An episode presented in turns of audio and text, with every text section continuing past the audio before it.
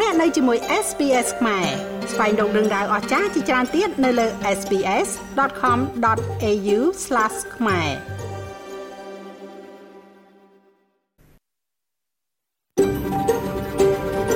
SBS A world of difference You're with SBS Khmer on mobile, online and on radio. លោកអ្នកនៅជាមួយ SPS ខ្មែរនៅលើទូរស័ព្ទដៃអនឡាញនិងវិ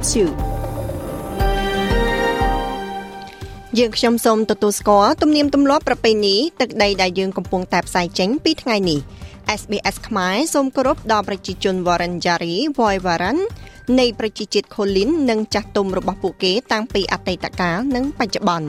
យើងក៏សូមទទួលស្គាល់ម្ចាស់ទំនៀមទម្លាប់ប្រពៃណីទឹកដីនៃជនជាតិដើម Aboriginal និងអ្នកកោះ Torres Strait ទាំងអស់ដែលអ្នកកំពុងតែស្ដាប់នៅពេលនេះ។ ថ្ងៃនេះគឺជាថ្ងៃពុធ900ខែអាសត់ឆ្នាំខាលចត្វាស័កពុទ្ធសករាជ2566ត្រូវនៅថ្ងៃទី19ខែតុលាឆ្នាំ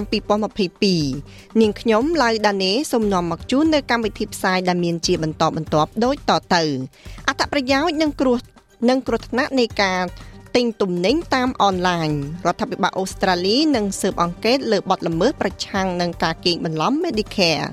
ប្រជាជនរាប់ពាន់នាក់ត្រូវបានជំនះចេញនៅគ្រោះនៅក្នុងពេលគ្រោះអាសន្នទឹកជំនន់ក្នុងរដ្ឋ Victoria និងរបាយការណ៍ពីពីប្រទេសកម្ពុជាទាំងអស់នេះនឹងនាំមកជូនប្រិយមិត្តអ្នកស្ដាប់នៅបន្ទាប់ពីនេតិព័ត៌មានទឹកជំនន់នៅប្រទេសអូស្ត្រាលីការវិនិយោគរាប់ពាន់លានដុល្លារដែលត្រូវបានគ្រោងទុកនៅក្នុងតំបន់ធម្មនៅក្នុងតំបន់ធម្មពលក៏កើតឡើងវិញ នាយករដ្ឋមន្ត្រីអូស្ត្រាលីលោក Anthony Albanese នឹងធ្វើជាម្ចាស់ផ្ទះទទួលមេដឹកនាំប្រទេសជប៉ុន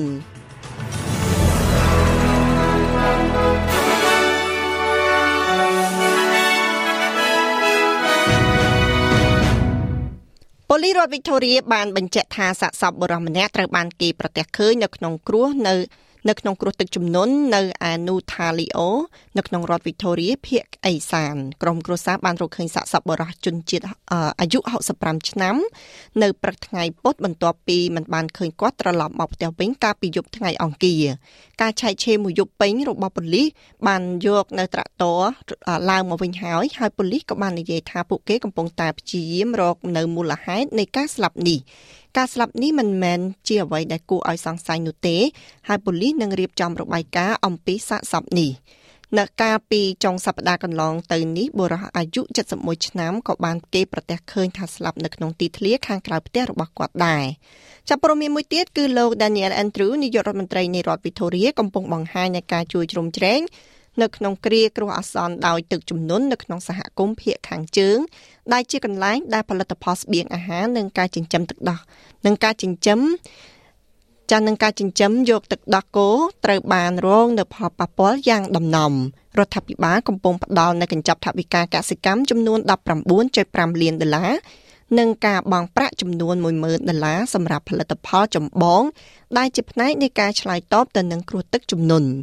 ទឹកជំនន់ដែលនៅតែមិនទាន់ឆ្លងផុតនៅទន្លេម៉ូរ៉ាយដែលនៅជិតព្រំដែនរដ្ឋវីតូរីត្រូវបានគេរំពឹងថានឹងកើនឡើងខ្លាំងដល់កំពូល ក្នុងពេលឆាប់ៗនេះដែលជាមូលហេតុបង្កឲ្យមានការជំនៀប្រជាជននៅឯអ៊ីឈូកាដែលជាកន្លែងប្រជាជនកំពុងតែកសាងនៅតម្លៃអាគារសំណង់អាគាររបស់ពួកគេ។ លោកអេនទ្រូនិយាយថាមជ្ឈមណ្ឌលសង្គ្រោះជីវិតចំនួន14ត្រូវបានបើកហើយវាគឺជារឿងសំខាន់នៅក្នុងការរក្សាឲ្យបាននៅដំណើរការផ្គត់ផ្គង់កម្មករក្នុងវិស័យកសិកម្មដើម្បីគ្រប់គ្រងដល់ឧស្សាហកម្មទឹកដោះគោនៅក្នុងរដ្ឋ Victoria ។ There's 40 sandbag collection points across the state. មានទីតាំងប្រមូលបាវខ្សាច់ចំនួន40នៅទូទាំងរដ្ឋវីតូរីមានចំនួន423ត្រូវបាន គេបិទខ្ញុំបានកំណត់ចំណុចទាំងអស់នេះហើយខ្ញុំនឹងថ្លែងការណ៍ម្ដងទៀតលេខទាំងនោះនឹងលោតឡើងស្ទើរតែគ្រប់ម៉ោងទៅហើយឥឡូវនេះមានប្រហែលមានប្រហោងលេខឃ្លាចំនួនរហូតដល់30000ទៅហើយតែយ៉ាងហោចណាស់ក៏មានការជួសជុលជាបណ្ដោះអាសន្នផងដែរ ចាប់ព័ត៌មានមួយទៀតគឺតកតងនឹងអាកាសធាតុសើមនឹងត្រឡប់មកវិញនៅថ្ងៃពុធនេះនៅក្នុងរដ្ឋនៅក្នុងរដ្ឋ New South Wales ជាកន្លែងដែលគ្រោះទឹកជំនន់បានប៉ះពាល់រួចទៅហើយនៅក្នុងរដ្ឋនេះហានិភ័យនៃព្យុះផ្គររន្ទះអាចនាំមកនៅភ្លៀងធ្លាក់យ៉ាងខ្លាំងនិងបង្កឲ្យមានគ្រោះទឹកជំនន់នៅតាមដងទន្លេដែលបានជន់លិចរួចទៅហើយនោះភ្លៀងធ្លាក់ក៏អាចបណ្ដាលឲ្យមានការព្រួយបារម្ភចំពោះផ្នែកខ្លះនៃភៀកពីយប់ផ្នែកកណ្ដាល ភាគខាងលិចនិងភាគនិរតីនៃអាងស្តុកទឹកនៅក្នុងដីលោកដានណារ៉ាម៉ូនៃការិយាល័យឧតុនិយមបានប្រាប់ ABC ថាស្ថានភាពគួរឲ្យព្រួយបារម្ភមួយកំពុងតែកើនឡើង។ Just quickly that low is going to move towards កម្រិតទាបនឹងរំកិលចុះទៅកាន់ភាគខាងត្បូងនៃប្រទេសអូស្ត្រាលីគឺព្រំដែនរដ្ឋ New South Wales នៅយប់នេះហើយបន្ទាប់មកបន្តិចម្ដងបន្តិចម្ដងវានឹងរំកិលទៅភាគខាងត្បូងកាប់តាមភាគខាងលិចនៃរដ្ឋ New South Wales និងរដ្ឋ Victoria នៅថ្ងៃប្រហ័សនិងថ្ងៃសុក្រវាមានន័យថានឹងមានភ្លៀងធ្លាក់ខ្លាំងហើយក៏មានព្យុះផ្គរនិងរន្ទះឆ្លងកាត់រដ្ឋ New South Wales មនុស្សរាប់រយ មនុស្សរាប់រយនាក់នៅឯម៉ៅម៉ាចិត្តព្រំដែនរដ្ឋវីតូរីត្រូវបានគេប្រាប់រួចហើយឲ្យជំលះចេញនៅក្នុងសប្តាហ៍នេះចាប់ព័ត៌មានមួយទៀតគឺនាយករដ្ឋមន្ត្រី Anthony Albanese និយាយថាការវិនិយោគរាប់ពាន់លានដុល្លារដែលគ្រោងទុកនៅក្នុងតំបន់ធម្មពលក៏កើតឡើងវិញ និងបង្កើតការងារថ្មីៗរាប់ពាន់ផែនការ Rewiring the Nation គឺជាកិច្ចព្រមព្រៀងផ្ដល់នូវមូលនិធិរួមគ្នារវាងរដ្ឋាភិបាលគណៈបក Labor របស់លោក Anthony Albanese និង Daniel Andrew ទឹកប្រាក់ចំនួន1.5ពាន់លានដុល្លារនឹងឆ្ពោះទៅរកការគ្រប់គ្រងលើគម្រោងខ្យល់នៅឯឆ្នេរសមុទ្រនិងបណ្ដាបញ្ជូនធម្មពលរវាងរដ្ឋ New South Wales និងរដ្ឋ Victoria ការតភ្ជាប់ Mariners រវាងរដ្ឋ Tasmania និងដីគោក៏នឹងត្រូវបានគេបង្កើតឡើងផងដែរដែលនឹងនាំមកនៅកំណើនផលិតផលអគ្គិសនីរហូតដល់200%សម្រាប់រដ្ឋ Tasmania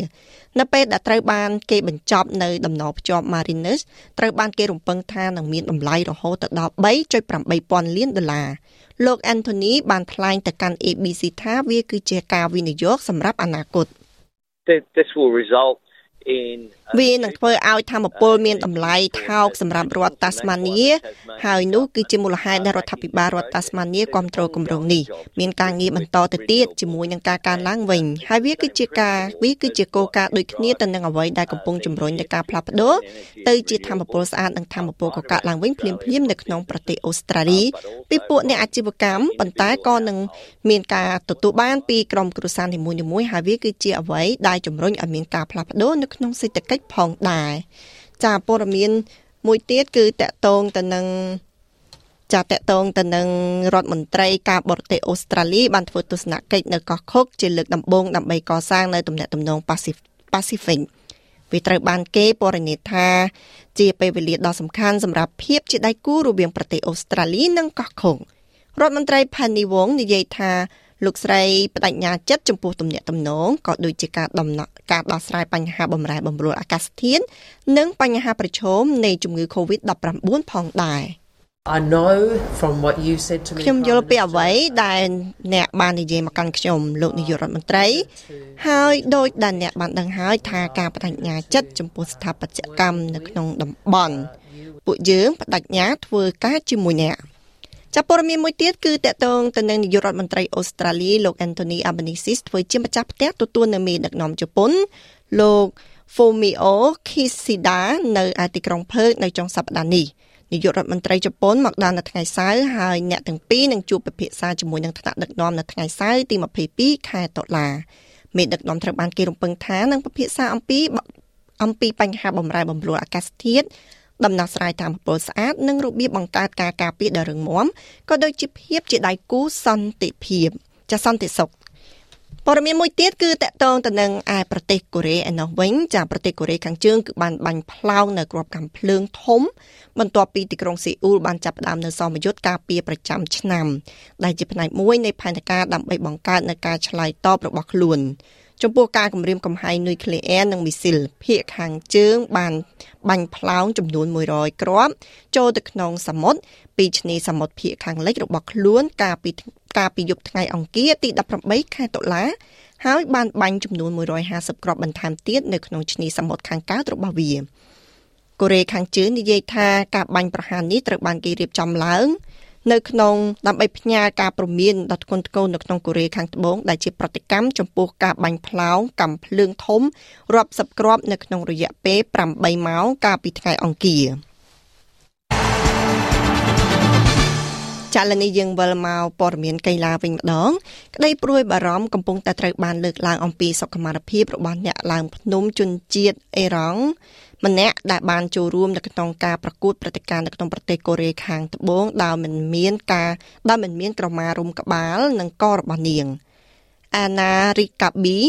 មិនបានពាក់នៅកន្សែងរុំក្បាលដែលជាការតម្រូវរបស់ប្រទេសនេះនៅក្នុងព្រឹត្តិការណ៍ចុងក្រោយនៃការប្រកួតប្រជែងនោះទេ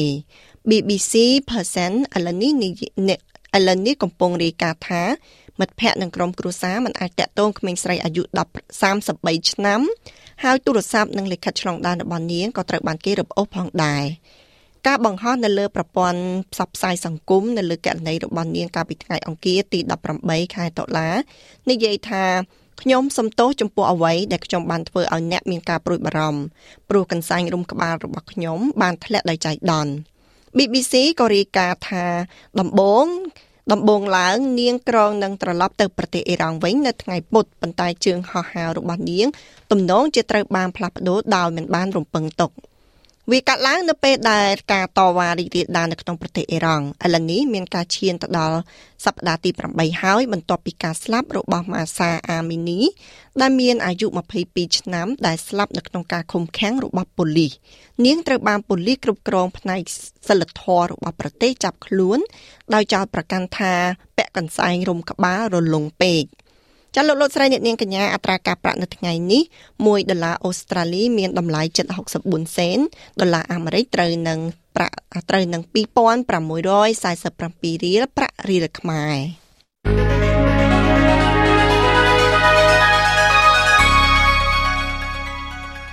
ចាលនីយើងក៏លេខមកមើលការព្យាករណ៍អាកាសធាតុសម្រាប់ថ្ងៃពុធនេះវិញម្ដង នៅអាដាលេដមានអាកាសចាមានអាចមានភ្លៀងរលឹមស្រេចស្រេច23អង្សា នៅមែលប៊នរះថ្ងៃច្រើន23អង្សា នៅហូបាត មានពពក ផ្នែកផ្នែក18អង្សាចានៅខេនបារ៉ាអាចមានភ្លៀងរលឹមស្រិចស្រិចច្រើនជាងថ្ងៃមុន19អង្សាចានៅវ៉ាឡុងកុងក៏អាចមានភ្លៀងរលឹមដែរ21អង្សា នៅស៊ីដនីអាចមានភ្លៀងរលឹមច្រើនជាងថ្ងៃមុនបន្តិច23អង្សា នៅ Newcastle ក៏មានអាកាសធាតុស្រដៀងនឹង Sydney ដែរ23អង្សា នៅ Brisbane មានភ្លៀងរលឹមស្រិចស្រិច25អង្សា នៅខានអាចមានភ្លៀងរលឹមស្រិចស្រិច33អង្សា ចំណែកឯនៅដាវីនក៏អាចមានភ្លៀងរលឹមស្រិចស្រិចនិងមានព្យុះ34អង្សានៅឯទីក្រុងភ្នំពេញឯណោះវិញគឺមានពពកជាផ្នែកជាផ្នែក27អង្សា